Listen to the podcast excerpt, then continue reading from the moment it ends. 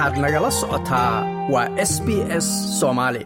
guddiga madaxa bannaan ee la dagaalanka musuq maasuqa gobolka new south wales ayaa ogaaday in bremiyaaradii hore gladys barojiclian ay gashay habdhaqan musuq maasuq oo aad u daran. Guddigan oo loo soo gaabiyey icag ayaa inkasta oo ay ogaadeen inay ku xadgudubtay kalsoonida shacabka haddana kuma aysan talin in dembiyo lagu soo ogo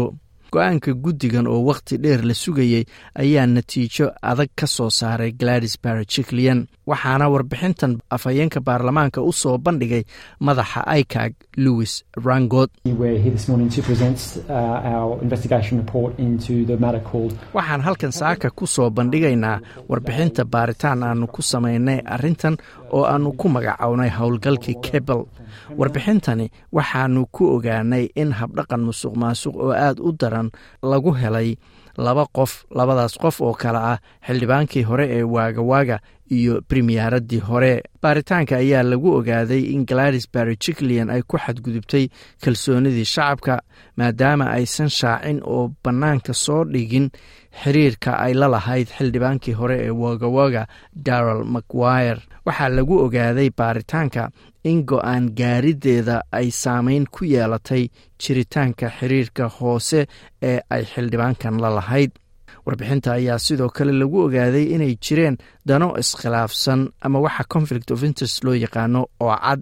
sababtoo ah waxay xubin ka ahayd guddi golaha wasiirada ka tirsanaa oo ansixiyey deeqo waaweyn oo la siiyey hay'ado ku yaalla kursiga laga soo dooran jiray maer maguire. Waxaana ka mid ahaa deeqahaasi shan milyan oo dollar oo la siiyey urur ka shaqeeya isboortiga cirtoogashada iyo toban milyan oo la siiyey xarun muusiga lagu tunto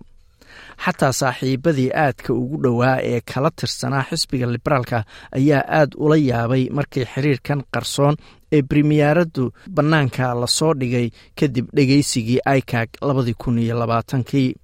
Labada kun iyo kow iyo labaatankiina baaritaanka ayaa la sii ballaariyey si loo ogaado habdhaqankeeda keenay inayba iscasisho hadallo la xiriira xiriirka hoose ee labadan qof u dhexeeyey oo si qarsoodiya loo duubay ayaa la dhegaystay mar su'aalo la weydiinayey miss berjiclian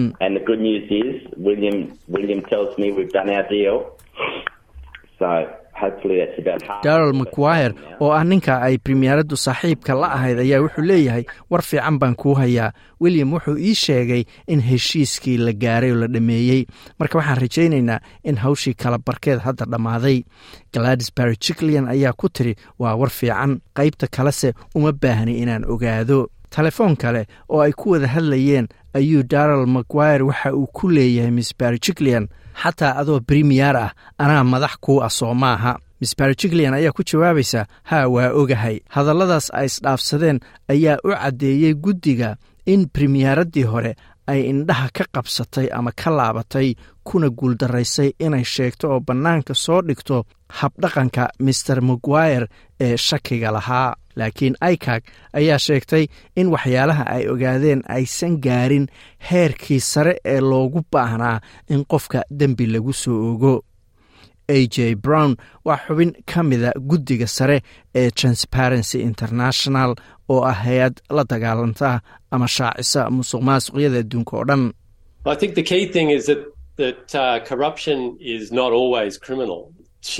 Waxay ila tahay in arrintan muhiimka ah ay tahay in musuq maasuq kasta uusan mar walba dembi ahayn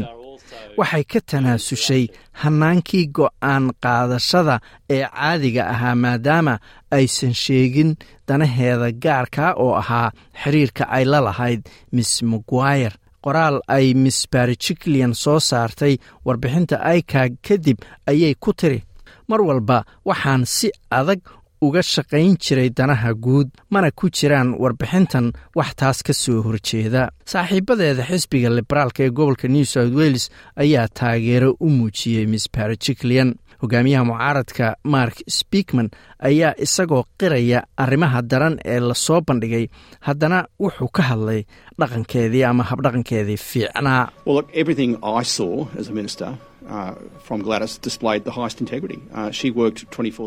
wax kasta oo aan ka arkay gladis xataa marka ay wasiirka ahayd waxay ahaayeen inay muujinaysay sharafta ama heerka ugu sarraysa ee sharafeed.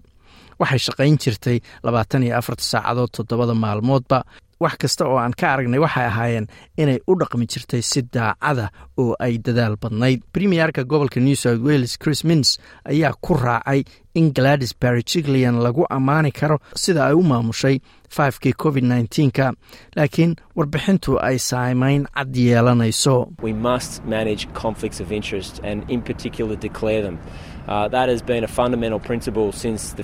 waa inaan maarayna ayuu yidhi danaha iskhilaafsan ama waxa personal conflictiga la yidhaahdo lana sheego oo bannaanka la soo dhigo. Taas ayaa inoo ahayd mabda'a aasaasiga ilaa laga sameeyey baarlamaanka new south wales. Sidaas ayaana ku wadi doonaa. Dowladduna digniinahan si dhab ah ayay u qaadanaysaa ayuu yidhi. Labada dhinac ee siyaasadda midkoodna ma jecla daron maguire waxaa loo gudbiyey dacwad oogaha guud si loo eego in lagu soo ogo dacwooyin la xiriira habdhaqan dembiyeed intii uu xafiiska joogay. Warbixinta ayaa lagu ogaaday inuu rabay inuu ka tujaaro isagoo siyaalo kala duwan uga faa'iidaysanaya xubinnimadiisii baarlamaanka. Warbixinta laga soo saaray howlgalkii loo bixiyey cabel ayaa wakhti dheer la sugayey iyadoo dhegaysiga babliga ahaa la soo afjaray siddeed iyo toban bilood ka hor. Icag ayaa arrimo sharciyo dartood qiil uga dhigtay daahidda soo bandhigidda warbixintan. Laakiin in xisbiyada new south wales oo dhan ay isku raacsan yihiin in wakhti cad loo qabto baaritaanada noocan oo kale ah si dadka la baarayo looga yareeyo wakhtiga dheer ee hubantila'aanta ah. Waa kan mar kale a j brown oo ka tirsan transparency international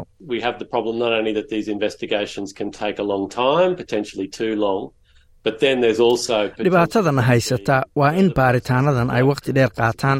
laakiin waxaa dhici karta in howlo dheeraada ay soo baxaan sida in dacwooyin lagu soo ogo ama falal kale. Waxaa dhici karta in kalsoonida dadweynaha ay wiiqdo ayuu yidri kadib markii ay ka tagtay siyaasaddana miss barigilian ayaa shaqo ka heshay shirkadda weyn ee isgaarsiinta ee optus mar s b s news ay la xiriirtay shirkadda isgaarsiintana waa ay ka gaabsatay inay arrintan ka hadasho. Miss barigilian ayaa sheegtay in qareemadeedu hadda ay eegayaan warbixintan laga soo saaray icag waxaa u furan inay ka doodo waxa ka soo baxay icag hadday racfaan u qaadato maxkamadda racfaanka ee gobolka new south wales. Ma doonaysaa sheekooyinkan oo kale ka dhegayso apple podcast google podcast spotify ama meel kasta oo aad bodkastigaaga ka hesho